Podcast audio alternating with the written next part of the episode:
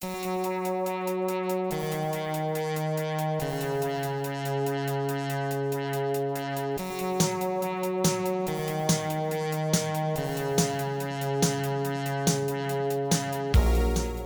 to First Draft with me, Sarah Enni. This episode is brought to you by the 2018 First Draft Calendar. Yes, it's already January, but there is plenty of 2018 left, so don't sleep on your chance to have some desk side inspiration all year long. The calendar will feature some of listeners' favorite quotes from episodes released in 2017, along with original drawings by me and fellow author Kirsten Hubbard, and it will be hand-bound by yours truly. This little calendar is a labor of love and a fundraiser to keep the lights on at this here podcast. So, if you're looking to have a little bit of writing mojo at your side all year round, check out the merch page at firstdraftpod.com to order yours today. This week I'm talking to Michael Dante DiMartino, co creator of Avatar The Last Airbender and author of middle grade books Rebel Genius and its sequel Warrior Genius, out this week. I love talking to writers who have worked in multiple mediums, and Michael is a rare treat. He's worked in fine art, comics, graphic novels, and of course in television with the global hit show Avatar The Last Airbender. It warms my bookish heart that after such a smash success, Michael turned to writing adventure novels for middle grade kids. I loved hearing him talk about that transition and what working for some of the most successful animated TV shows of all time has taught him about storytelling. So, find a zen office space with a view, grab a sketchpad and some colored pencils, and enjoy the conversation. So, hi, how are you? I'm great. How are you? I'm so good. Thank you so much for having me over. Oh, of course. I start uh, my interviews way, way, way back, which Yeah. is where were you born and raised? I was born uh, in New Hampshire, mostly raised in Vermont. How was reading and writing, and for you, drawing, how was that a part of your growing up? Drawing was something I can't remember not doing. They kind of went hand in hand though. Like drawing, I remember from really early on, and then reading. I mean, my mom would tell you like I was always a voracious reader. Mm-hmm. And I have this, I don't know if this is true, but I remember reading a Curious George book by myself when I was four years old. Nice. Um, but I don't know, I may be inventing part of that story. I just would, I mean, I'd love to hear about the development because people, most of the people I speak to end up leaning really into the writing and they just get in journaling and that kind of thing. Yeah. But for you, it seems like the drawing and the writing, were they developing at the same time or were you focusing on one more than the other?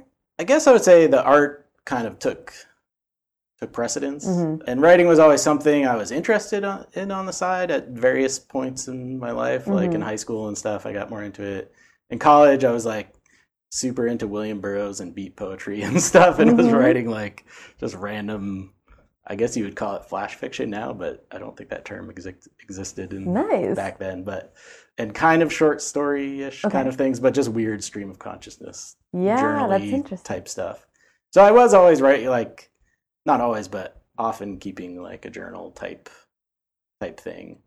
But it was definitely always kind of like my side interest, Mhm. um, and I focused on on art. But then when I got to college and I was and I majored in animation, it was kind of a good way to like incorporate storytelling into the art side of things. So I think that's where that two kind of started to meet more. with art and and drawing was it like what kind of medium were you just sketching like how did you focus on that in high school how did you decide to go to RISD like what was the what did you imagine yourself doing with that like at that really young creative time what were you imagining So in like I would say like middle grade and junior high, it was more like cartooning type Mhm. stuff. Like I'd always copy like Garfield or Mhm. Bloom County um, and those kind of things. And I remember like I was the the guy people always turned to if like I, they needed like a drawing for something at school. so Mhm. like I remember making like five dollars. My first commission was like a five dollar cover for some friend of mine, I think, for like a report he had to do.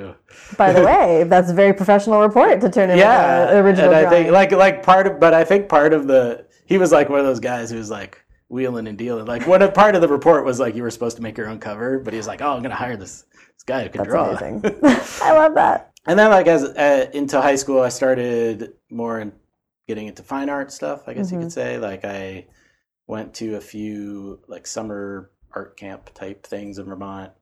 And during that time I I got more focused on painting Mhm. and, draw- and drawing, but I thought I wanted to be a, go to school for painting or illustration.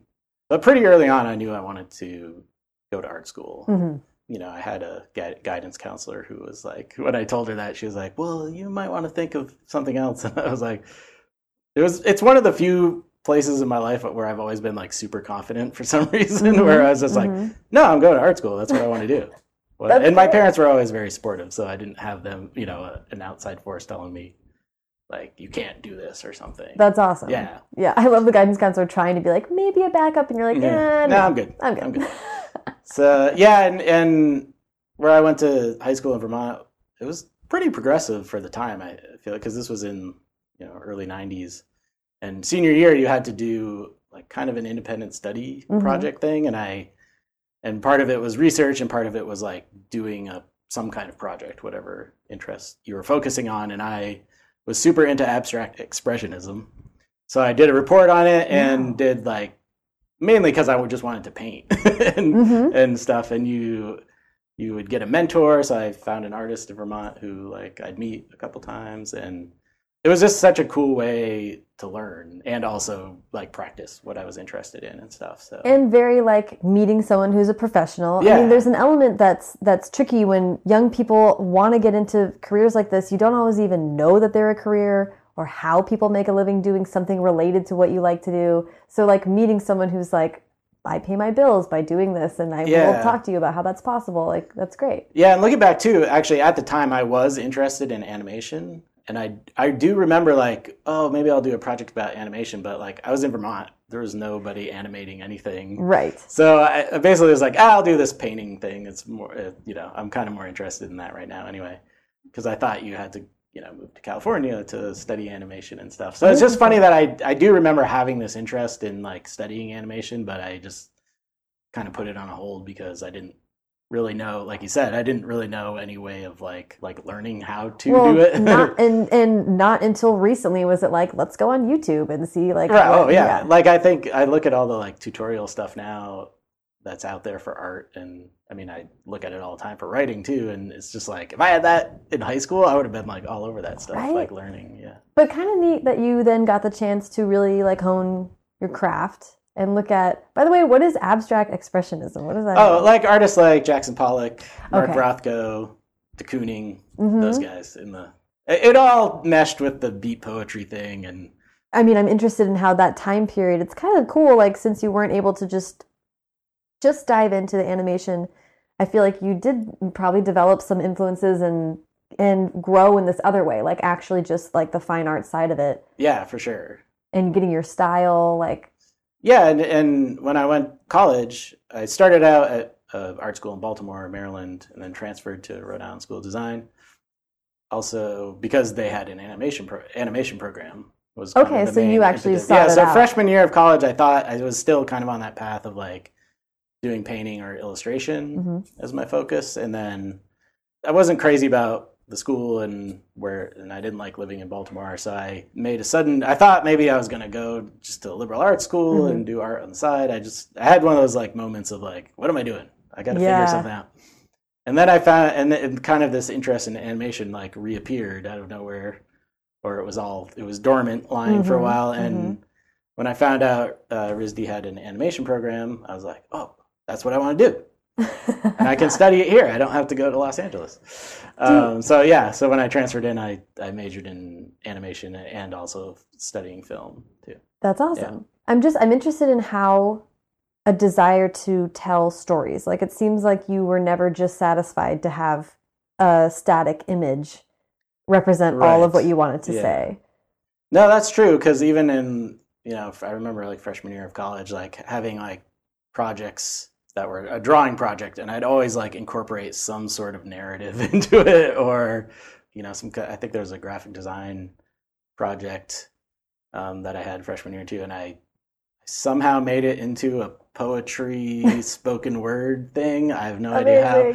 So yeah, you're right. I was always like kind of incorporating some sort of writing or prose into and like, a visual- broader like it and and and we'll talk more about this in a little bit but i mean like when someone's a creator of a world like what you've done in both of these projects Yeah. it's like you weren't going to be limited to like one frame you know Yeah, totally. Yeah. um uh, that was the pattern i saw and when you went into animation you wanted to be a director and a lot of the questions i'm about to ask you are coming from a, a total ignorance to how like animation Oh, that's works good. so so i'm really curious about like what what was the pull to being a director of that medium and like like why did you feel like that was the way to, to step into animation I think because of my experience in college, like the like senior year, you have to make your own film. That Mhm. was kind of the, the best part about going to RISD specifically. You learned all aspects of filmmaking, Mhm. and you're kind of like with the project in high school. Like your final thing was like make your own film, Mhm. and you have to write it and direct it and you know get your friends to help you do Mhm. stuff to make it. So it is sense for every i mean when people go to film school and they make their own short then it's Totally. like you know how every as opposed to like going to Cal Arts where I mean it might be different now I'm not sure but like you know certainly for a while like you just focused on character animation and you did make a film but you were it was mainly about like showing what you learned about character animation Mhm. so I was kind of the whole filmmaking aspect putting together a team like I even had like a small kind of coerced all my friends into helping me uh, paint um, cel this was when we did cel painting wow um, yeah for Cel animation. amazing Um, so I did that for yeah for the project, and so I kind of got this taste for like kind of overseeing a team and seeing like this idea from the beginning through to the end Mhm. to a completed thing, and I was definitely into that. So I mean, I knew I wouldn't just get a job being a director immediately, Right, having right. no experience. So I, my goal when I moved to Los Angeles was to become a storyboard artist Mhm. which is the person who's like drawing the kind of all the main shots of the of Like- the show. visualizing how it's gonna Yeah, how the story is going to look right pretty much. Yeah, you take the script and you're visualizing the different shots and like what the characters are doing in those in those shots. So that was my first job, and it was on King of the Hill, Um, which is like crazy to me like that's such a i just remember that when i watched king of the hill and being like oh you can animate stuff like this? Like this is more grown up and super funny and like i get it more now than i did when i was Yeah, watching yeah, it you know like Well, and I, I mean, when it, my first job was the very first season, so it was before I anyone knew what it was, other than knowing my, it was a Mike Judge co-creation. Um, so that was, you know, I was like, oh, the guy did Beavis and Butthead, cool. yeah right. very cool um okay before before we move forward on that though i do i i love that you're talking about like early on in learning animation getting that sense of collaboration and working with a team and not only does it seem like you weren't satisfied with telling a story with one frame but also you're like what but what if there was a group of people telling you know what i mean like Yeah. it really was it seems like you have always felt like ownership of ideas that will be bigger and need more people in a way, yeah, I think I started out that way, and now I'm regressing. where I'm like, how can I do this with only one person? But um, which is the path i want to talk about yeah, it was very interesting but um i guess it also comes from the medium like in animation you can't do it by yourself i Mhm. mean yeah like if you're trying to make a film or even a short film even if you're doing all the drawings you need people to help you Yeah. color it and composite it and do the music and Yeah. do the sound and Do do voices and you Yeah. know, all that Oh my kind God, of stuff so um so you just literally can't do it by yourself right did you have i mean did you have a ton of ideas for animated shorts or films or tv shows were you like always coming up with new things Um, I definitely had like you know the sketchbook of stuff, and when I moved to Los Angeles, I had a few like I mean this is before I knew anything about anything as far as pitching a show or Right. what is involved in making one. So a lot of the stuff I was figuring out was like stuff based on my film I did at at RISD, which was like this. It was called Kid New Year in Billboard. It was this weird, again, 1950s inspired like uh, kid and his giant friend who had a TV in his belly. It was, Whoa. It was like that's really cool sci-fi-ish, I guess. yeah, was that's weird. really interesting Um, and I also I've always been obsessed with robots. I did make a short animated film later on in my career in 2003. That was about a robot and a girl on a date.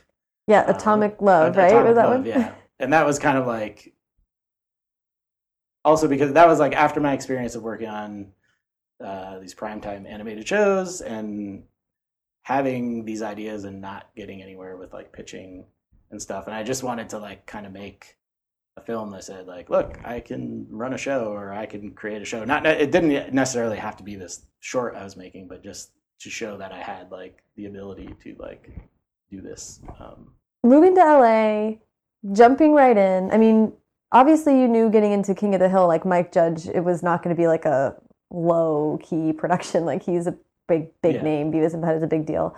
But were you? I mean, that's a really big show on a major network, and that was kind of your first real gig. What was that experience like? Uh, it was great. I mean, I learned a ton.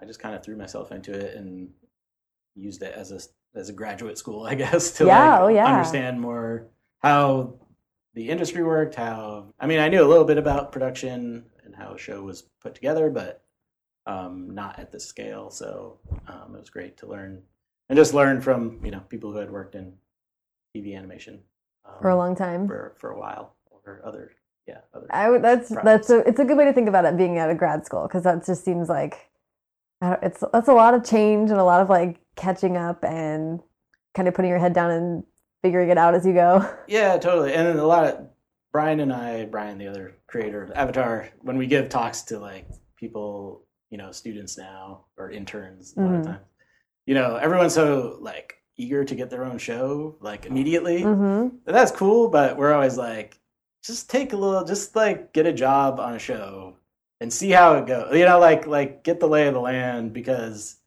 part of making a show is like there's the creative part and the coming up with the ideas and Mm-hmm. funny drawings and all that stuff, but the other half is like actually running the show. It's like totally different side of your brain. It's much more like producer, manager type role, which I was kind of prepared for, but also not prepared for. Yeah, well, that not before, every but- creative person has that Right, skill yeah, set. That's yeah. like a really specific Yeah, thing.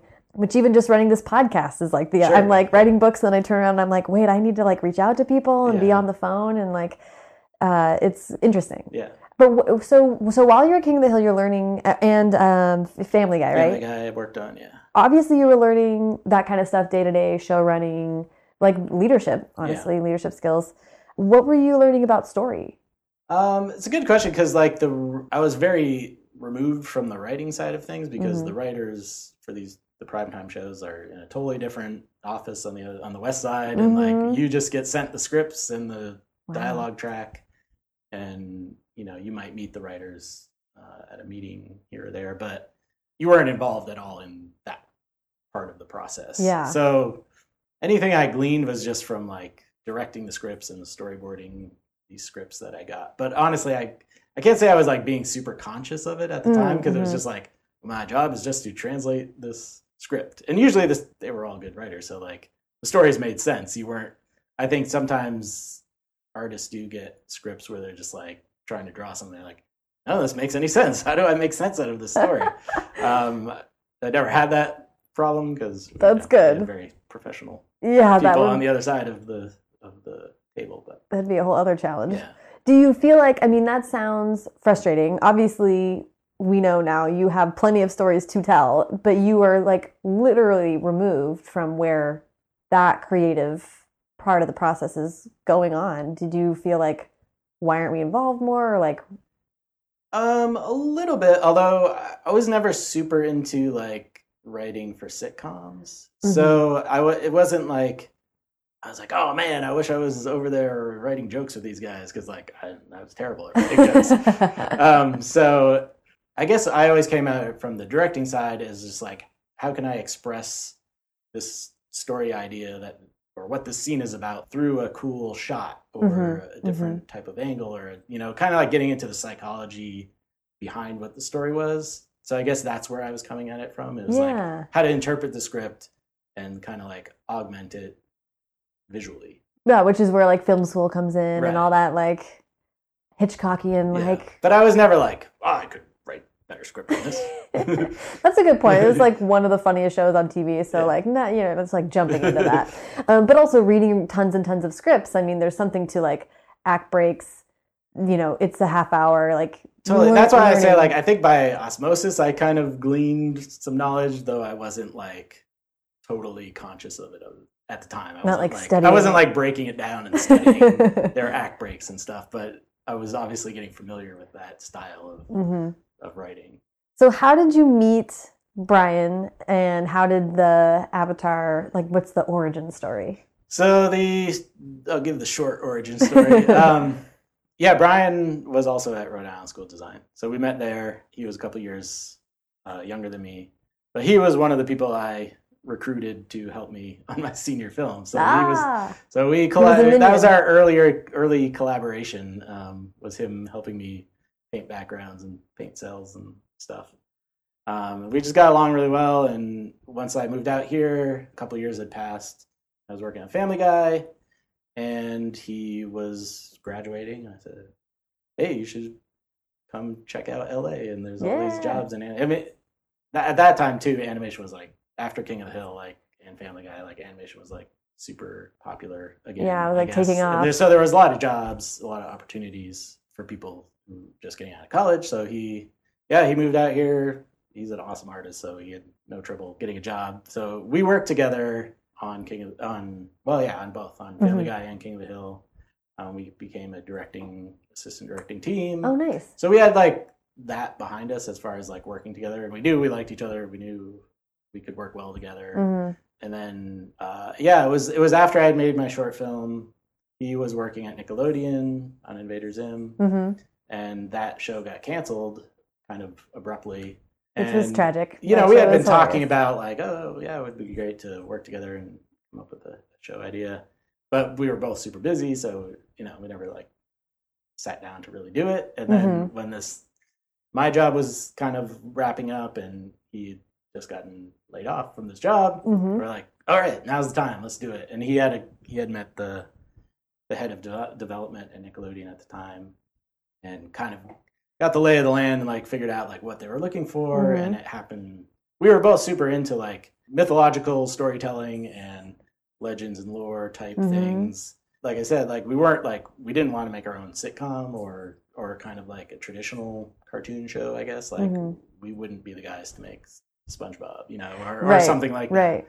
yeah, when we found out Nickelodeon was specifically looking for this kind of epic type show, it was like a good opportunity, and we like.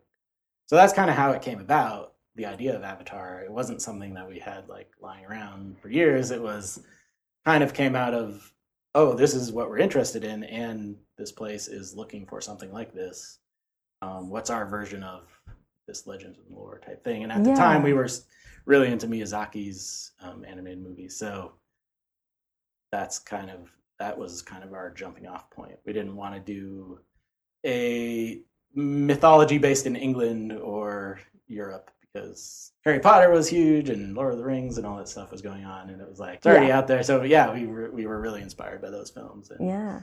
you know I've always been inspired by by Asia and just traveling the world and different cultures and stuff, and just Yeah. trying to bring a different flavor into that type of storytelling. when you so that's that's like super interesting because then you have the partner that you know you want to work with Mhm. You you know broadly the kind of story you want to tell like a genre Right. almost and the opportunity to possibly do that so then how do you like sit down at a table across from Brian and are like okay let's build this huge story like how does it go from there It all started with like one drawing Brian had really done late at night one night, which was like a kid and a flying bison.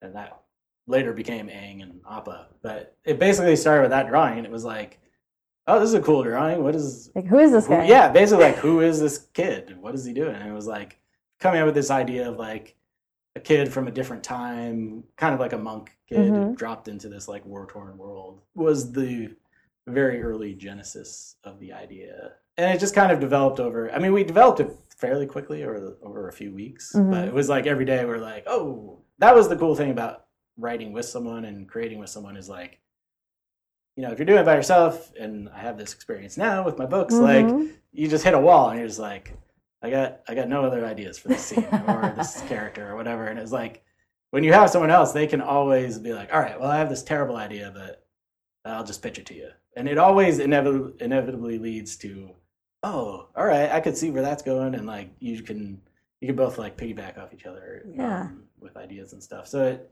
it just kind of snowballed from there as as far as like developing the world and branching out to this idea that there's these four different um, nations based on the elements. It's really intricate. I mean, this is like a huge world. You know, it is like there's so many elements to it that it's kind of crazy to imagine it being starting with one drawing, you know, and like So here's the thing: I was never into fantasy mhm. as a kid, so I have no idea where my interest in these epic storytelling came from exactly. other than yeah, other than like I read Joseph Campbell in high school, the like transcript of the hero's journey or whatever the, the Bill Moyer show was. oh yeah, yeah. Um, and I was super into that for whatever reason. I was like really fascinated by this idea of these myths and how different cultures all have these very similar myths and kind of transcend time and everything. Combined with like, I guess, liking stories that had like a longer arc to them. So I, I told the story at one panel, but like I was really into G.I. Joe as a kid. And the episodes were cool. I enjoyed them. But every once in a while, they would do a five part, week long story hmm that told like we got to go get these crystals and it was like but it was all linked it was like Mhm. one storyline and for some reason and i still remember it to this day that like anytime those types of like storylines came up i was like this is so epic this is like yeah. there's something about like transcending this like one you know short narrative into this longer one that Mhm. like whatever for whatever reason i was always attracted to. you were to. clued into Yeah. it, yeah, and then and then creating the stories within the arcs within the arcs. I mean, that's Yeah, I think the one thing that turned me off from fantasy because I do remember trying to read some fantasy books in like probably junior high, high school, and just it was like the thing. And I know fantasy gets criticized for this a lot, but like all the names and the places and like it's kind of like information overload. hmm So the one thing that always stuck with me, like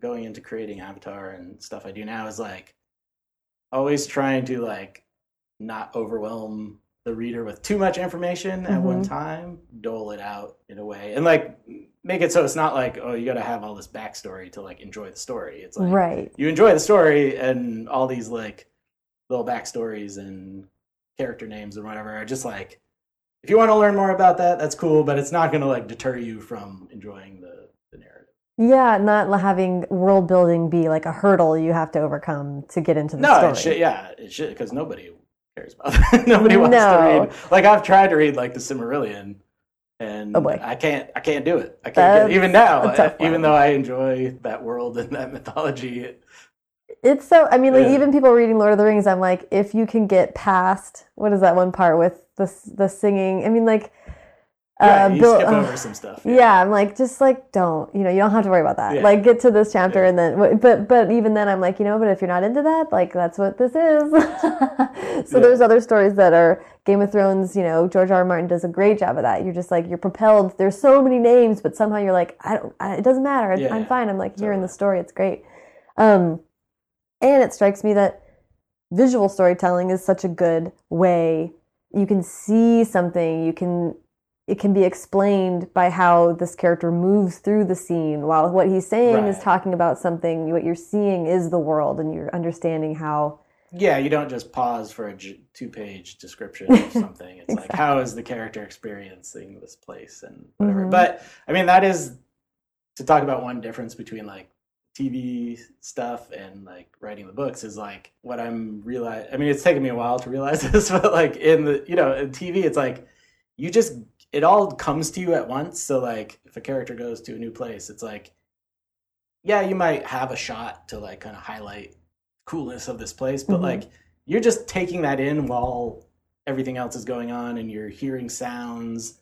Whereas in a book, it's like you have to figure out a way to like you can't experience it can't all be simultaneously experienced. yeah So like you have to describe the room, but not too much because it'll slow it down, and you want to have a sense of like what it sounds like and what the smells are, but you don't want to stop for a while to like smell the room. yeah like a, a whole Yeah. paragraph of perfume is like not gonna be Yeah. yeah. effective it's very challenging Yeah. and really like and that's why you know Leigh right um, Leigh Bardugo Yeah. is a someone that you and i both know and she writes really phenomenal fantasy because i think when you leave her books you know what what they were eating and what they were wearing. Like she's very immersive and visual. I think in how she totally. tells no, her stories. sense of like describing a place, I'm always amazed by. Like, totally incredible Yeah. but it's so i mean like it's super hard Yeah. um, especially when you're limited to words on a page it's kind of crazy yeah. so you're you're working with brian you guys create the show together i just would love to hear about how it developed i, I also li- was listening to a podcast where you guys were both talking about it and i think it was brian said that the idea came to you guys as three like three seasons like it kind of the- came in three arcs Yeah, the yeah, the narrative was kind of figured out pretty early on. At least the structure of like what we wanted to do was Mhm. yeah, this idea of like the trilogy. I mean, I guess we were influenced too by you know movie trilogies and that sort of thing, and Lord of the Rings trilogy. And, hmm I mean, I'm biased, but I was like, that sounds like a book. Like it came like Well, we even called them book one, book two, book three. So yeah, Yeah. it was very, very much like that. which is really cool. I mean, it's neat that first of all the idea came to you that way, but Yeah. also that Nickelodeon was like, Yeah, it was one of those things. Looking back, it never should have happened. But we had a really cool executive. Nickelodeon was open to this kind of stuff at the time. Yeah. and yeah, we we actually had pitched like shorter seasons at first for Avatar. Anyway, there were twenty episodes per season, and we initially thought like oh 13 because we were inspired by like anime series, and those were always like a lot shorter. hmm So we, yeah, we during the initial pitch, it was like we have these three seasons because we had the basic arc of like Aang waking up from the iceberg and having to learn these elements. Yeah. you know, you had to learn water, earth, and fire, and that they would travel to each of these nations, Mhm. you know, per season. And you know, we had some story details worked out, but like we kind of had the main like structure, I guess, of Mhm. like this is the, it was a journey show, so it was like here's where the journey starts, and they're going to go here and here and here, and Yeah. it's going to end in this big, some big battle with the Fire Lord. We don't know what Yeah. exactly, but yeah. Well, so that's interesting. How much did you know? Because I'm curious about obviously when you are working on a really big show with so many different people and different Yeah. continents, I mean, everything. But it sounds like you guys knew the structure really well and also where you were ending up. Like, how much of the ending Yeah. did you really know? And it must have been easier to corral everything when you sort of had this sense of what needs to happen. Yeah, I mean, since we had that basic structure, and we had, I mean, we had some ideas for the end, but like it very much developed over the series. You know, we had other writers who came in and stuff and helped us develop the characters and the and the arcs and everything like that. So just starting with that basic thing, at least you had like a focus, Mhm, and I think that's mhm. what I've always tried to do with like writing stuff is like having kind of limitations are helpful Mhm, creatively because mhm. it's like all right well i know we're not going to go to the fire nation in season one and you know it helps like kind of focus your mind and focus the story in one direction so yeah we've uh, we always had a mix of like stuff we had planned out and stuff that developed during the you know the writing of the season or the episode Yeah. um, I'm gonna throw this out there as a question, but it's hard to it's hard to phrase. Yeah. So in, in developing the story, it sounds like you work together really well to know that thing. But then what I what sou- sounds magical to me is the next step of like how do we want this to look and Right. how do we imagine the world? That's a whole other kind of brainstorming that like I don't ever have Yeah, to yeah. do with someone. So was it like did you guys trust each other's vision in that way? Did one of you take the lead on some stuff? How did you kind of kind of yeah over time i mean brian was naturally a, a designer that was his, his background like character designer and Oh, okay. production designer type stuff so he that was his focus i mean he was he's an amazing artist and i'm i can take a design and all that stuff and then make it into something cool Uh huh. but i'm ne- i've never been good at like or i can look at a drawing and be like oh we need this to look like this or whatever but i'm not good at like designing stuff myself Okay. per se. Even though it was like both of us talking about what we wanted to see, he would do the actual drawings Mhm. initially. And then as the series went on, we had so many, we had background designers, Yeah. character designers, and directors and artists all contributing to the like visual look of it. But we also, since we were drawing upon, you know, different, mainly China, but other Asian countries, like we were drawing from real world reference as far as like costuming and Yeah. architecture and that kind of stuff. So Which is wasn't nice. like wasn't a totally made up fantasy world where we're like giant shell building. I don't know. well, like again, like you're saying, limitations help, right? Yeah. Like, so you're like, if we're pulling from this cultural thing, then we don't have to come up with everything. We can do our research and Totally, find some elements. That yeah, a lot of it was definitely like the research and Yeah. finding visual inspiration, and then like adapting that into a version that was animatable. Yeah, yeah, yeah. Yeah. I think um, I was listening to you guys on the, I think it was Nickelodeon Animation podcast, oh yeah, yeah. and you were talking about at the pitch having like 40 drawings on a table or something, which Yeah, yeah, that's that's kind of what we did, and I always tell the story, but like we did like everything wrong about pitching. Like the, the like books tell you like how to pitch a, a show or, Uh-huh. or a movie. We had we didn't know any of that stuff, so we just like we were going on and on about the story and just going through this whole thing, and finally the executive just like stopped us after two and a half hours to say like, all right, that's I've, I'm overloaded. I can't see straight. Um, But luckily they they like the idea. So. That's awesome. That's so awesome. Okay, so Avatar obviously sort of takes off and becomes, I think, even after the because Nickelodeon waited to greenlight the second and third season, right? So it was after the first season that Yeah. had already gotten enough of a following that Yeah. they were like, we let's actually make the whole thing, which was weird too. We like planned this whole story. We're like, we have no idea if we're gonna get past like 13 episodes, or Right. whatever, so, Right. but yeah, we made it all the way to the end. And just a quick question about Legend of Korra because I'm interested in in how you think of developing worlds and stuff like that. The concept of moving forward. I mean, how did you guys decide like if we're going to dip into this world again, how do we want to re-engage with the characters in the world? How did that come about? Yeah, we Avatar ended like 2008, and Brian and I took like the show was over, so we were went on wasn't really a hiatus because the show was over. We were just Right, out right. of a job. and we were like writing um, some spec scripts together. But you know, Nickelodeon was always like, we might do something with Avatar. We don't know, but we were like, all right, well, let us know when you guys are serious about Yeah. it because there was a lot of like hemming and hawing. So they did, yeah, in like 2013, I think. I always get dates wrong, so I about that. But they were like, yeah, we want to do a 13 episode miniseries, basically. And we're like, with and it could be anything in the Avatar universe. It doesn't have to be Aang and Zuko. And we're like, all right, that's cool to us because we didn't want to just stick with the the old characters. But um, so yeah, we kind of did what we did the first time. Was like sit down, and be like, all right, what do we want to? What's this version of Avatar? And, yeah. you know, we knew we we had some ideas of Avatar in the future. Kind of like, and we were like, ah, it's jumping ahead way too far. And it was like, it makes more sense to be like, who came after Aang? And like, I always like stories that like jump ahead, and you have to like kind of fill in along the way, like what happened between the end of that story and the beginning of this story. Yeah, And I love Those that. are always interesting. And and do you think jumping ahead? I'm just, I'm I'm interested in how stepping back in, you must have then given yourself a whole bunch of new questions to have to answer. Like you jump ahead, but then you kind of have to even get farther back into the backstory of the world and how this came to be. Yeah, because we kind of had to know like what happened with Aang and all the characters from there, and Right. and like how old Korra was and how many years had passed. Like meant Aang died when he was like I think sixty six. Check the canon on that one. um, so it's like, but this kind of reminds me of like so, something about like mythology and like the world building thing that I always talk about is like, or I'm always thinking about is like people always want to know like what happened to so and so, what's this backstory, what's this backstory, and well, a if I know it, I'm not going to tell you right now, right, right. But b I probably don't know it because until we need to figure something out for a story, we kind of like like to leave certain things unknown. Like unless you have to answer the question, it's always better to not answer. I feel like because Yeah.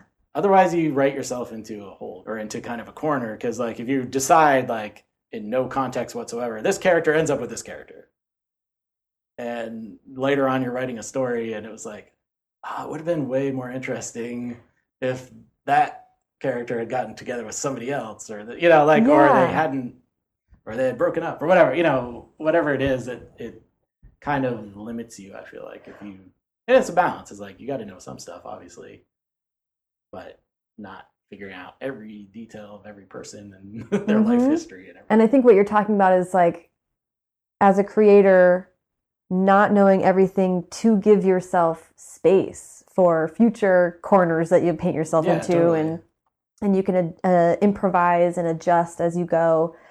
Which I think for novelists, we have like a harder time with that because it's like, I think people just want it to be like set in stone and this is the story and nothing changes. But when you're coming from TV and some, even any level of serial storytelling, it's like, we're going to come across something and we're going to need to move shit around. Yeah.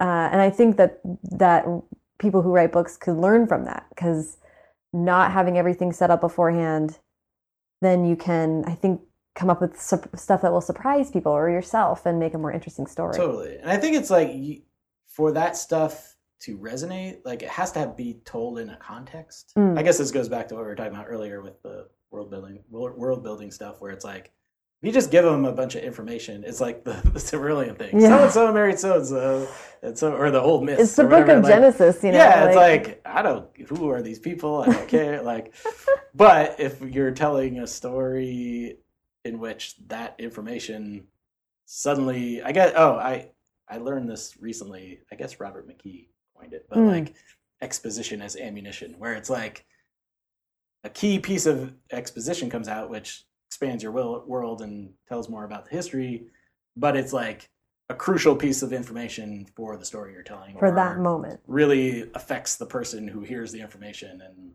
or someone's trying to like coerce someone into doing doing something and they're like well i bet you didn't know this about your dad or whatever Yeah, um, I'm your father. it was like yeah it's like if you knew if they just told you darth vader was luke's dad in the first movie it's like oh that's interesting that's kind of crazy but like obviously that had way more impact at the moment they revealed it Yeah, exactly. No, that's so that's such a good point. And and to some degree there are questions that I don't want to answer. And I think a lot about J.K. Rowling where she sort of like is still giving us information and knows everything about every character and when they died and what their profession was and all this and I'm like, "JK, stop." Like I don't I don't want to know everything. I want there to be some mystery here. yeah yeah So, but some people are like they want to know how much change is in their characters' pockets and I'm like uh, that just isn't true for me. I don't know. But there's a Totally. No, I'm definitely learning that too, writing the Rebel Genius books, where it's like now I'm on the third one, and like I planted a bunch of stuff early on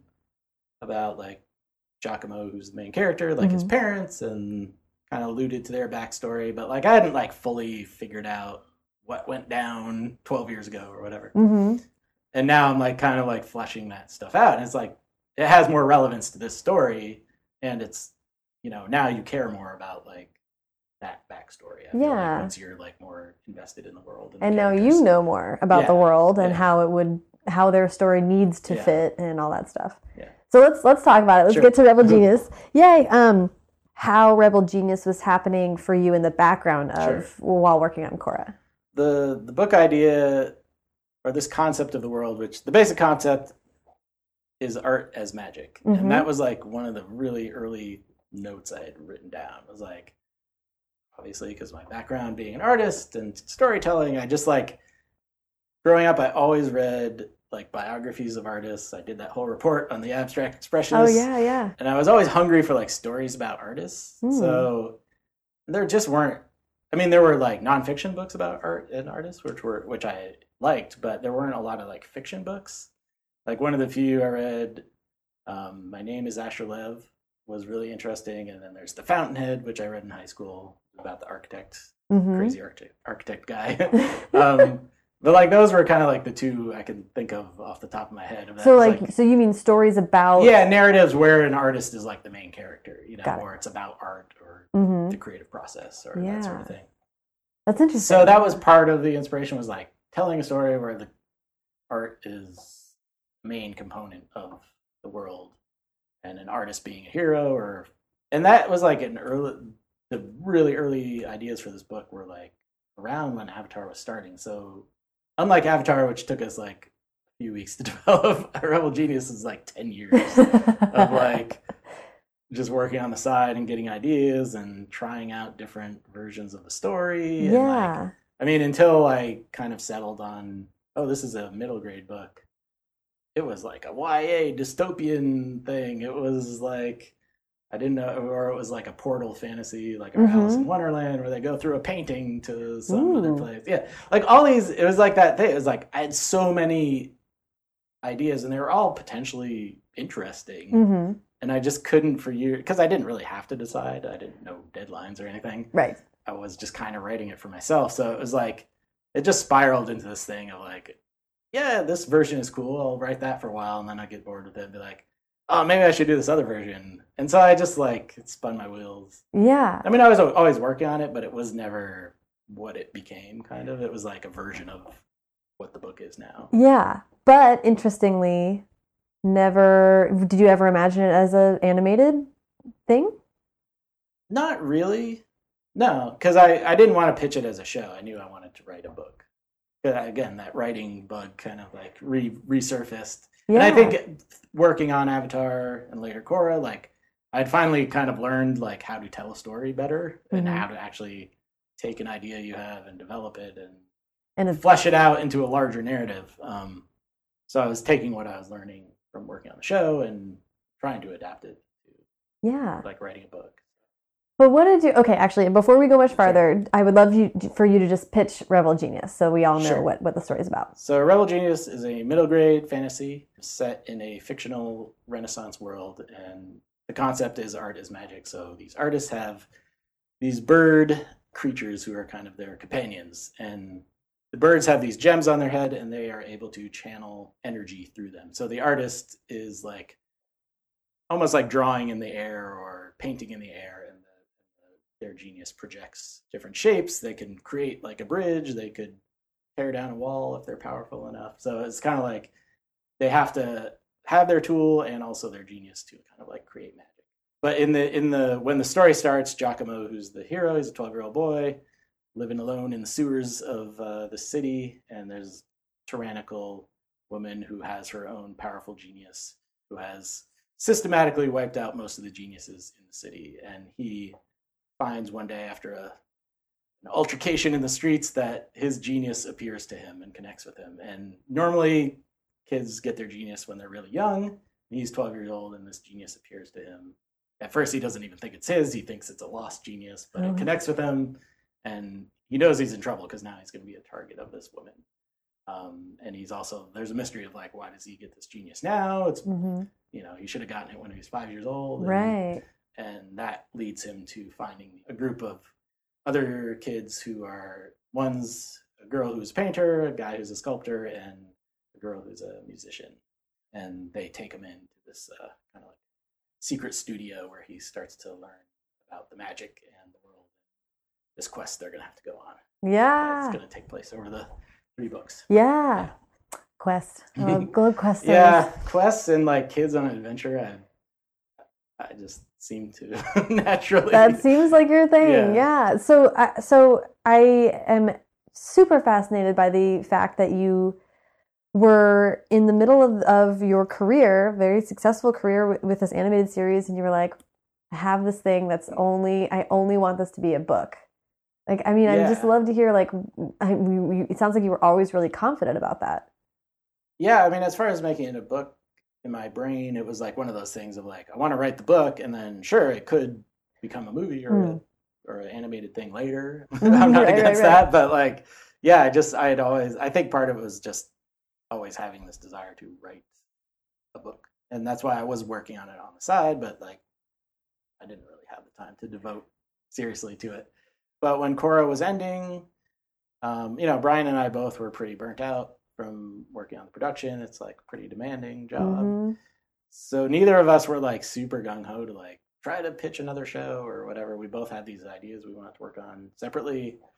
And kind of like when Avatar got picked up, and it was kind of just this amazing converging of luck and opportunity and stuff. Mhm. Like it kind of happened with my book where I like I had the idea. I, I at that time I didn't know like oh, I want it to be a middle grade fantasy story, and you know through my work on Avatar, I ended up meeting with an editor and you know gave him a proposal for this book, and like I thought like it was like you know this is my first experience like kind of pitching a book or, Mhm. or like proposing it, and it was like not expecting any immediate response at all. You know, I thought like, oh well, if they like it, I'll write the book, and not that they would actually like pick it up. But Mhm. like two days later, they're like, we want to make you an offer on this book. And I was like, oh really? I guess I'm gonna actually write this like, thing. then." oh crap. So it was like it became very real. It was Yeah. like, you know, actually people are paying you money to write this thing that's been in your brain for a while.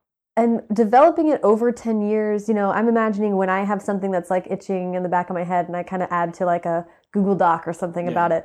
It's like really weird stuff. I'm like, maybe there's rose bushes that are like, what? It's like random Oh, stuff that comes in the middle of the night. So when you're pitching it, were you like, no, I really do know what the whole arc is, or were you, was it Um, still? by that time, I had written up like I had kind of like had that culling process, of, like figuring out what the what this was going to be. Like, Yeah. it's going to be a middle grade fantasy. It's going to be three books. It's going to focus on this quest, and You'd already kind of distilled. Yeah, I mean, I still had all those millions of notes, but a lot of it didn't apply anymore. Once I Mhm. decided on the middle grade fantasy thing, like again, that's like the focusing thing. Like once you decide I'm going down this path, the basic, the concept and the character and the idea of the geniuses and all that still worked good, but a lot of the like, what if this happened or this happened, like I, I never went back to it because Yeah. it didn't make any sense. anymore. Yeah, it's like all kind of hilarious. yeah. Were you really ready for how lonely writing a book is?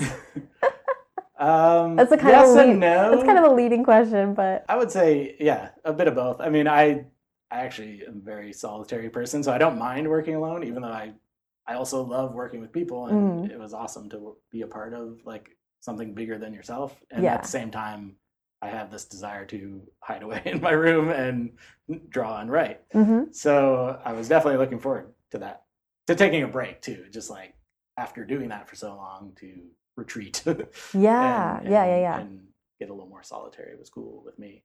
But yeah, the challenges are like you don't have, you know, I didn't have Brian or other writers or all these amazing artists to like throw ideas at. You know, on the show, a lot of times is like you have this idea and you're not sure it'll work, or but then someone does an, a cool drawing that was inspired by your idea, and then you get inspired by that, and it's like this conversation. Whereas like now, it's like you're just talking to yourself on the computer, like Mhm. hey, what if this happened? What if this happened? So, I mean, I kind of do what we did in the writers' room, which is like sit around and, and go through all those what ifs and like, Mhm. oh, this this scene could go like this, but I'm just writing it to myself you know, Mhm, to see mhm. like what what works and what doesn't. I mean, how did you find the experience? Was it a good one overall? Was it a huge adjustment? Was it, how did you feel about it? Um, I enjoy the experience. I, I for some reason the first writing the first book was not as anxiety ridden as writing the second book. Oh, interesting. Yeah. Well- so Yeah. I mean, I guess because I had lived with it for so long, and even though I never, I hadn't written this version of the book, like the story was pretty set in my head, and I think too, like I was so used to writing like an origin story in a way, which is what it is, that I knew all those pieces. I knew what needed to go in, and you know, there's obviously a lot of figuring out how the best way to tell the story and learning curve of like actually writing prose Yeah. prose novel and like kind of figuring out my process um, along the way. But you know, overall, I felt like it went fairly smoothly, all considering. Yeah, yeah, yeah. Uh, then, but then, like, yeah, the second one was like really, really hard because, like, even though I had a rough idea of like what was going to happen, it was like starting from scratch, and it was Yeah. like I went down many paths and rewrote it a few different times. um, Wow, yeah. or at least a, big chunks of it. Which I guess I, I- which I guess is, you know, it is totally normal in writing a book, but I, I'm so used to the TV way where it's like you kind of figure out everything ahead of time and then you write the script. Yeah. yeah, there's there's revisions and you rewrite and stuff, but you never never did we like throw out an episode or like you know some would be heavily rewritten, but it was like it was always like we're still using this a version of this script or whatever. Whereas Yeah. like novels is like this whole middle section goodbye like see you later we don't like you anymore Well, it's interesting because I think there's a lot to. The, I- I've had this experience with the podcast. I was listening to, or I was reading an article about one of my favorite podcasts, Comedy Bang Bang. Mhm. And Scott Aukerman, who is the host of that show, is like, yeah, not every episode is great, but we have to release something every Right. Monday. So I hope fans understand that, like, we're not just, you know, we don't only release the bet the greatest hits, you know, like everything has to be out there. And I, I was like, in the context of my podcast, I was like, oh, that's really like a good thing to think of. I could edit these forever, but it just needs to exist at some point. It just needs to be a conversation. Totally. And that, I mean, learning that through television was definitely a good learning experience. Yeah, Whereas, yeah. like, you know, there's episodes that came out better than we expected, episodes that came out worse than we expected. But we always had to finish them. And yeah, we could have kept working on them and Yeah. tweaking the drawings or whatever. But it's like at a certain point, you just have to be like, okay, we have to call it here. Yeah. Um, and books you could hypothetically tinker forever. Yeah. And that's not a great thing either. No, and it is good. I mean, I do like having deadlines, although, yeah, with novels, they're a little more flexible than hmm like TV schedules. So yeah. it's nice when you hit a wall, you're like, I'm just not going to have this draft done. Sorry. And they're Mhm. like, okay, that's cool. I'll give you another month. Yeah. So they're very, you know, the publisher is very understanding and, Yeah. and adaptable front, which is nice. What kind of deadline did you have? Like when you pitch and they're like, okay, we, we really want this from you. How long did you have? Um, I don't remember initially. I do remember the, the initial contract. I was like, that's too soon. There's no, Mm. like, A, I need to decompress from yeah. Korra, and B, I've never written a novel before, so I don't want to like say I'm going to be done in five months when I have no idea if that's even feasible. Yeah. So they extended it out. So yeah, the first one, I'd say mainly I wrote it over the course of like a year, but then yeah, the second one just took longer. It took like a year and a half, I would say, and that's not including the illustrations because Yeah. illustrations in the book, so that's like an extra thing tacked onto it. Although I'm usually doing those while I'm editing Yeah. doing copy edits or whatever. So it's like kind of morphed into the process. Yeah. I, I think it's true for most people that the second book is harder than the first. Right. I feel like that's like really consistently Yes. something that people say. But I'm just curious about what in particular was challenging for Yeah, I mean, I guess the challenges were doing something that's because it, it had the same structure in a way where it's like going on a journey to find the magical object, Mhm. you know, very roughly speaking. And it was like, okay, how do I not just repeat the same thing? hmm and i i know more about this now i didn't wasn't super conscious of it when i started writing book two but it was like so even though these are like all fantasy books like picking a genre for each one that Mm. feels a little different so like the first one is like an origin story quest with like puzzle solving Yeah. and so i think initially i was like doing a very similar thing hmm where it's like what's the cool puzzle i'm gonna solve and i like hate coming up with those anyway so i was like Those are really hard. uh, yeah. So in the end, it, it became more of like when I look back on it now, I'm like, oh, it's more of like, I mean, there's still that quest element, but it's more of like they get to one place and they're there for a majority of the book, and it's more of like there's elements of horror because there's like Mm. this really scary kind of ghost creature that they have to um, deal with. And there's like a mystery going on of like what happened in the second book. The quick pitch is like they go to this new empire, and that's based more on India in the 1500s. And so they're in that world, all the geniuses are horses, or Pegasus, I should say. They're flying horses, but with same, similar powers where Yeah. they have gems and the, the warriors um, have uh, weapons that they use to like trigger their geniuses to create Mhm. the, the magic. But there's this like kind of like a plague going on. You don't all the geniuses have fallen ill, and you don't know what's going on. And so it's partly a mystery, partly this like kind of like a thriller mini quest that they go on, um, combined with like a war story. So like so it has a different, even though it is still like uh, the adventure quest story. There's like different elements that help make it feel different. I feel like yeah. but I only kind of realized that after the fact, and now that I'm writing the third one, where it's like, oh, this is what you're supposed to do, like yeah. a series where it's like, yeah, it's the same basic structure or same, you know, people want to have another adventure. It's not going to suddenly turn into like a romance story, Right, or right, like right. a sci-fi story, but Right. like like weaving in those new elements. Yeah. Well, and and fun that, you know, you've had like you've been a professional storyteller for many years, but it sounds like this is a great like experience as far as learning or like Oh, yeah, calcifying or putting words to these other parts of storytelling. No. I'm still. I mean, every day I'm. I'm still like listening to podcasts, reading books. Like I'm always trying to figure out like how to tell a story better. I mean, partly for productive reasons. like I hate wasting time Uh-huh. and like doing a draft that like is unusable. That's I don't ever want to do that. It's so you know, hard. part of it is coming from like like inefficiency, my my producer brain, I guess. Like, yeah, yeah. like how can I do this faster and more efficiently? The main reason is like learning the craft better, and it is like learning the differences between telling stories between TV show and novel. I think one of the main, the biggest differences that I've come to realize is like even though we were telling these like season long arcs and series long arcs, you still were dealing with a 22 minute episode. It still had this very very split up feeling, or you know, literally episodic hmm feeling. Where if you try to do that in a book, it doesn't work because it's like you don't just have a bunch of different episodes in a book, even if it's telling one bigger story. So Right. it's like kind of learning how to tell this or overall narrative that is a, all of one piece that doesn't feel choppy and hmm is always moving forward and Yeah, or keeping ha- up the pace and yeah. it's almost like how not to let the reader know that they're that they're in an episode right now. Because I mean, that we Yeah. when you talk about three act structure within a book, that's what it is. There's a commercial totally break still and all that very kind of that's why i mean like there's a lot Of, there's a, a lot of it is very similar Yeah. as far as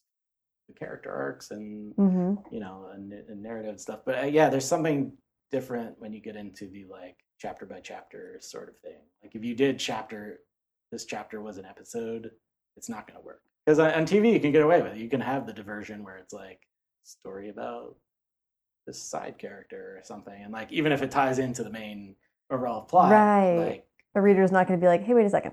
no, yeah, you just watch it. You're like, oh, that's cool episode. yeah, what are those called? The um, shell episode or like a what? well, there's the like, oh, I'm forgetting the term. I want to say box episode, but I don't know if that's it. Something like that. You know, you get those episodes of Buffy that are about something completely different, and Right. you're like, those are usually done though for budgetary reasons. ah, really? Yeah, where they're like, you have what you can only use this set and two characters. I think they are, Wow. I think it's called the box episode. I could be totally wrong, but it's it's basically like you get two characters in a box and that's your episode because like we spent so much money on mm-hmm. these other episodes. Mhm. Oh my god, Uh, that's funny. It's like the the episodes of Game of Thrones. Every once in a while, it's like, wait, that episode was all dialogue, and you're like, oh, because that totally, one war scene was like the budget of four episodes. But sometimes so- those can be the most interesting. There was one on Breaking Bad that that was that where it was like Walt and Jesse in the in the lab, in the lab for the fly, the fly one. the fly one yeah. yeah, it was like the fly but it was like there's a tension to it and it's brilliant. again it's like yeah you give yourself these limitations which on the surface as an artist you're like ah, I don't want any rules I don't want any I don't want to be put in a box but then sometimes That's you know, what that's- it takes. yeah Well, that's and that was one of my questions, which you brought up now a couple times, is the limitations and the inherent limitation facing you with a novel. But of course, you also kind of broke the rules. Not not that they this is a real rule at all, but you did incorporate your own drawings and art in the book, so you kind of expanded a little bit even within the format. yeah, part of that was just because I wanted to illustrate a book. Part of that was also I was like trying to figure out a different way to do it. So the idea, the concept behind it was like having all the drawings are they're all from Giacomo's sketchbook. So it's like mm-hmm. he did the drawing, and that also gave me leeway because I was like, I'm not like a professional illustrator, so I'm not going to make these amazing illustrations you see like in the new Harry Potter books or something. Right, you know, right, like but I can draw pretty good for a 12 year old who's supposed to be a really good artist. So, you know, if they're more like sketchy, you know, the idea is they're supposed to be sketchbooks, like a, a Leonardo da Vinci sketchbook or something. Like they don't have to be finished. I Right. don't have to color them or like make it super meticulous or whatever. So, because it was a story about an artist, it made sense that we should have some art. yeah, it would have been notable to not have it. You know, Yeah, and it also helped explain like because the magic's based on sacred geometry, which is, is like a term when I started like everyone kind of has heard the term and they're vaguely familiar with it, but like once I started researching what it really is, as far as like it's like numbers corresponding to shapes and and again it ties into mythology and all that like all the spiritual stuff, which is really cool. And there's a certain way you construct the shapes, and I wanted to like visualize that and show how the artists were constructing it, or Yeah. at least like thinking about it when they made the magic. yeah, it, Yeah. it does. Yeah, it's it's like golden rule is part of that and all that stuff, right? Yeah. Um, and speaking of research, I mean, the Rebel Genius, Warrior Genius, and then the third one, which I want to talk about, about a little bit too, but it's similar to Avatar, different kind of worlds and Yeah. based on real, real cultures. Right. But you are also like, I think they're based on like 1500s. Yeah, I mean, since I started with Renaissance, once I started thinking about these other empires that were in the world, it was like I didn't want to pull from like different time periods. So I was like, well, let's what was going on during the Renaissance in India or in um, the third book is like an African inspired culture. So it was like what was going on in those continents during that time. which is really cool. We don't Yeah, always I- learn about that in America. No, and I was like, I mean, because everyone knows about the Renaissance, but I didn't know like in India it was like during the Mughal Empire and like during which everyone knows the Taj Mahal, obviously, but like that Mhm. was that was kind of the height of that period. Mhm. so they had this like amazing art renaissance also, and in Africa too. There's these amazing the the Mali Empire is like all these places had these amazing empires, but you only hear about like the European stuff, obviously. Mhm. And I think before I even like had done a lot of research, my idea was like, oh, in, in the Third Empire, because the different empires focus on their geniuses that have like a different focus. So in Rebel Genius, it's you know art, creativity. In Rakana, the Second Empire, was more about warrior culture, and then I wanted to have something that was like more scientific or like scholarly Mhm. um, mind for the for the third one. And their geniuses are all based on flying cats. Awesome. Amazing. Um, but anyway, through the research, I learned, you know, all this stuff about Timbuktu and like these lost libraries and like basically these amazing, you know, libraries and sources of knowledge that are only now being trying to be saved. And so cool. And I mean, I think there was a, um, and I can't remember right now, but there was another interview with you that I read where you were talking about like coming to a story with this sense of what you want the story to be and wanting to tap into mythos and stuff like that. And then through research being like, oh, this is like all already here, or there's like such Yeah. fertile ground to build that on. That always happens. I mean, it happened on Avatar all the time, in Korra, and with this book, yeah, with the African Empire, the specific thing I was researching was like trying to f- find out more about like what their magic would be like, and came across or these blacksmiths in, but basically this this energetic force that totally tied into the sacred geometry I was working with, very similar to the force in Star Wars. yeah. It was just like all these, you know, it's like it is back to the Joseph Campbell thing. Like all these cultures have very, you look if you distill it all down, they all have. There's so many connections, and I think that's like one of the biggest themes. I really think about it, like with through Avatar and Korra and my books, it's like this interconnectedness of these places that seem this world that seems so at odds and these different cultures and why can't everyone get along Yeah. and it's like if you really look more deeply you kind of start to see the connections that we all share Well, it's a very humanistic type of storytelling. yeah Like when you do get get in there and Yeah. see the Joseph Campbell of it all and yeah, the yeah, how we tell the same same stories over and over again. It's sort of like comforting yeah in a way. Yeah. It also so speaking of the humanism of bringing all in all the other cultures, researching, there was a quote on your site, uh, an essay you wrote about creativity, is through creative acts we have the power to transform ourselves and society, which is like Mm, did i say that yeah, it's pretty awesome, and it reminded me of how in Avatar, Avatar and Korra, and now this book, there is a lot of representation and diversity and representation. I know a lot of my friends really responded to Korra having a female lead and LGBTQ stuff, and I mean it was just a really like uh, inclusive kind of storytelling. Was that a real focus for you with the new series as well? as a series it definitely is when Mhm. it started out and it was like oh i'm just doing renaissance italy people are going to think i'm just going back to the european thing. But part of that was i'm you know my dad's side of the family was italian. So Don- like it was like it was like oh and i artistic wise and everything like obviously attracted to the renaissance period. So it was Mhm. like oh i want to start out in this renaissance type world but then branch out into and also pick cultures that weren't asian or weren't stuff we did in avatar. Right. we did a little bit of like india stuff but india is such a diverse country that you can pull from different areas. But and i had actually visited india a few years ago so had a little f- more familiarity with it now. Yeah, but so yeah definitely um you know having in the in the second book um so in the first book there's like two point of views but they're both male or the boy giacomo and then zenobius who's like he's a guy but he's like he's a creation. He's Oh, a, okay. he's he's a, called the tulpa so he's like this created being. But it's it's basically two point of views and then for the second book i wanted to expand it out so i included one of giacomo's friends the girl named Milena, and then the Nerezza, who's the evil lady, the tyrant. So you actually get like chapters from the tyrant's point of view, like, what's going on? Because another running thing through Avatar and Korra and this book is like getting into the the villain's backstory and like into their head and like yeah. even though you don't agree with what they're doing, you start to see the world from their point of view or why they turned out this way. Yeah. So with the third book, do you want to like tell us where are you at with it? What is the So um, right now I'm just I'm writing the first draft. The biggest change I made now is I started writing by hand. I like- Oh. I've been writing, you know, it never even occurred to me that I could write a book by hand. But I, again, was like, even though I had a better idea of where this story was going and what, what the scenes were, every time I sit down at a computer, I was like, that writer anxiety. I wouldn't call it writer's block because I wasn't blocked per se, but it was like the anxiety of like, oh my God, I got to write this. yeah. And I was like, I gotta figure out a better technique to deal with this.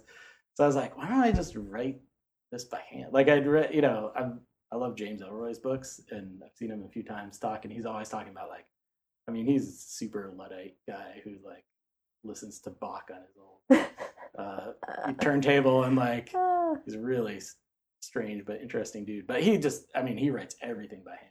He had- writes these super meticulous outlines before he Wow. writes his novels. But I was like, I'm gonna go James Ellroy on this. This is write the first draft. I mean, I'd started on the computer, but I was like, all right, no more drafting the computer. So I got this writing desk over here, yeah, look at that. some It's notebooks, actually fountain being pen, used and for- uh, start writing. And so I enjoying it so much more, like the process of it. It's not faster by any means, but it, so far it's less anxiety producing. hmm Well, I wonder if you found this. I found that when I really need to unlock something, that then I'll take out my notebook and be like, what if? And then I end up writing long, long, long things. And on the computer, it seems like because it can go faster, you you catch up with your thoughts right away. And writing longhand, I think your process. Yeah, I think that's the biggest thing.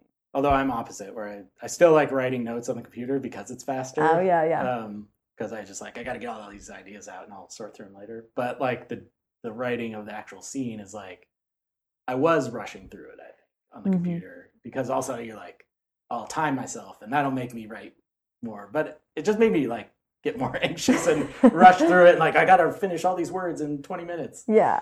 And you could always like make something out of it, but it was like it was a lot messier. And I feel like this way, by no means is it great, but it's like I feel like oh, I could revise this and it could be something pretty good. Yeah, yeah. and it does slow your mind down, I think. And I mean, I think there's artists something. Since I'm writing a story about artists connecting to their spirit geniuses and all this stuff, it was like I feel like the computer does is kind of a buffer between you know an artist creator and like whatever muse thing is out there. And There's a sense yeah, of purity to Yeah. handwriting. yeah. That's kind of So yeah. I'm kind of rediscovering it.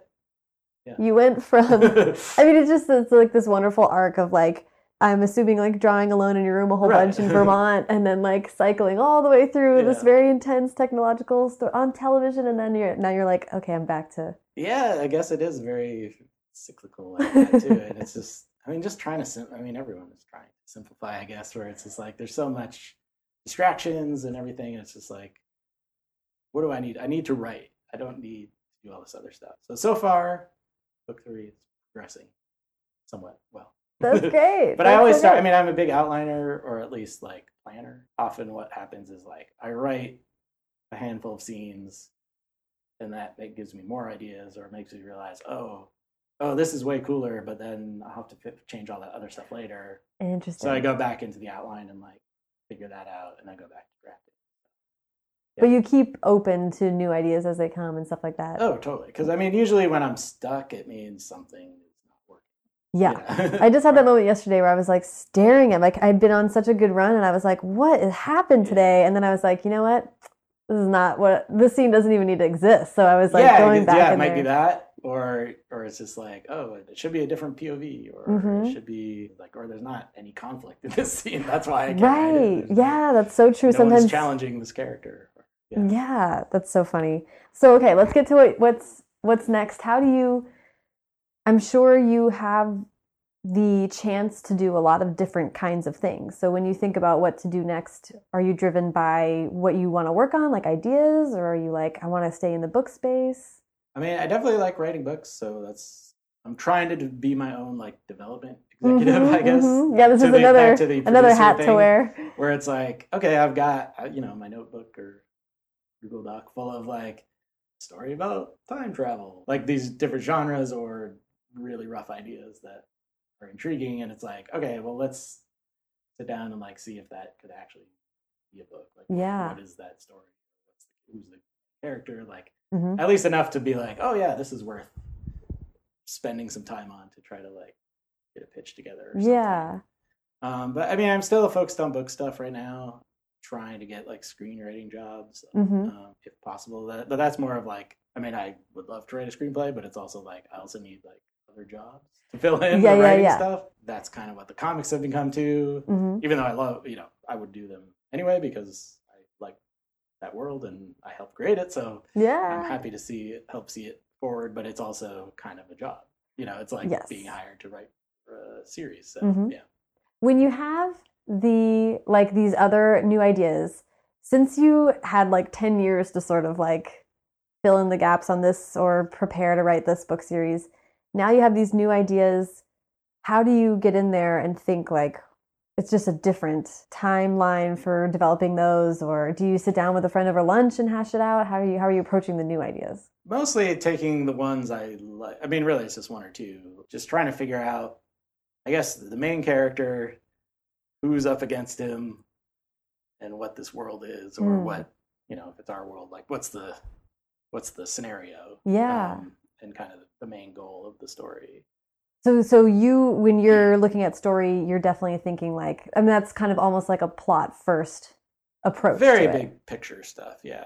I mean, I have character like ideas, but I never. I mean, even though Aang kind of started with a character, Mhm. it's always like about the world. I feel like like what's the state of the world? What's going on? Mhm. And who is this character who's like has to deal with it?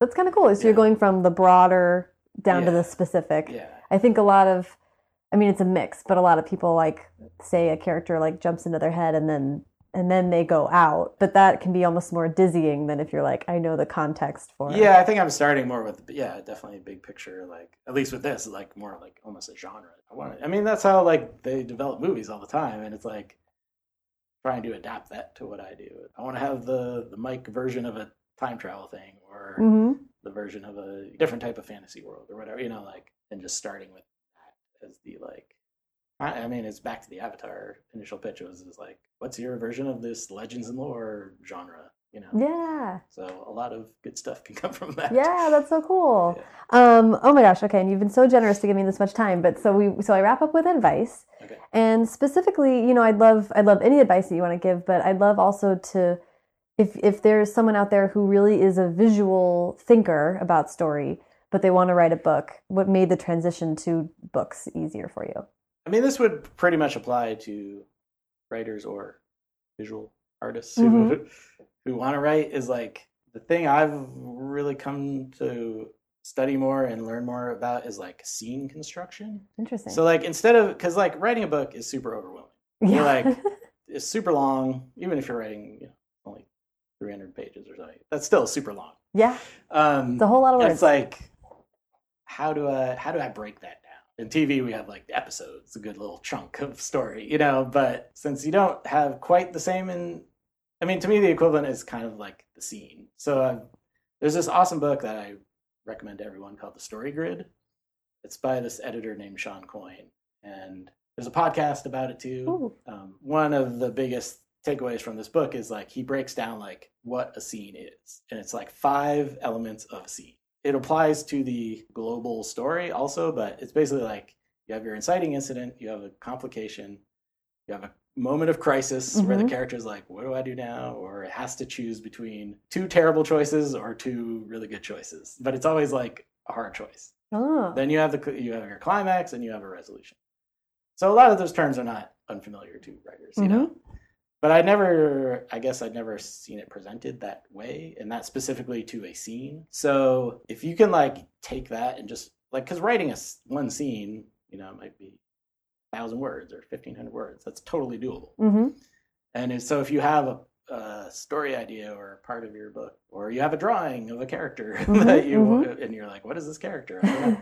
like kind of like thinking of a scene to write for them might be helpful. Um, and having all those elements in that scene.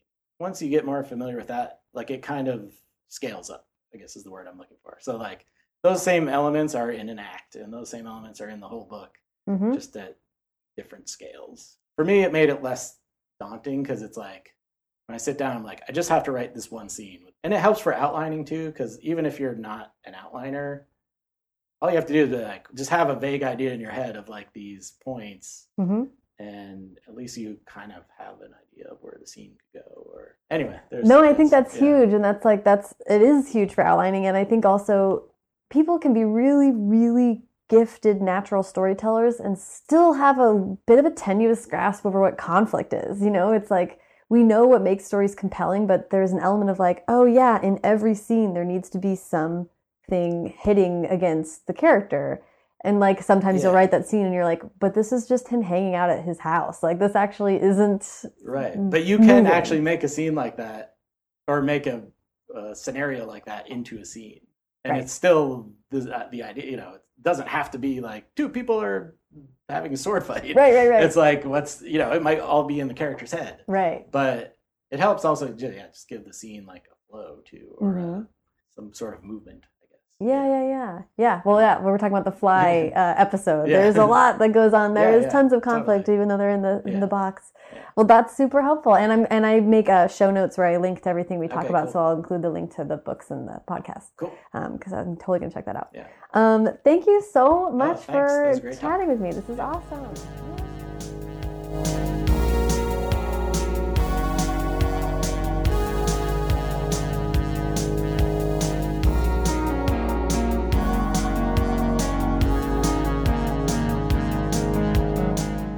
So much to Michael. Check out his website, michaeldantedimartino.com.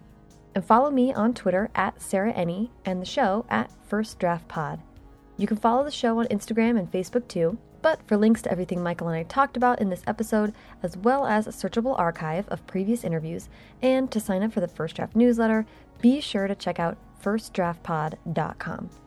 Don't forget to pre order your first draft calendar on firstdraftpod.com or look for the link on Twitter, Tumblr, or Facebook. If you like what you heard, please leave a rating or review on iTunes. Every five star review gives me more sacred geometry. Thanks to Hash Brown for the theme song and to Colin Keith and Maureen Gu for the logos. Thanks to super intern Carter Elwood and transcriptionist at large Julie Anderson. And as ever, thank you, warrior artistes, for listening. Thank you.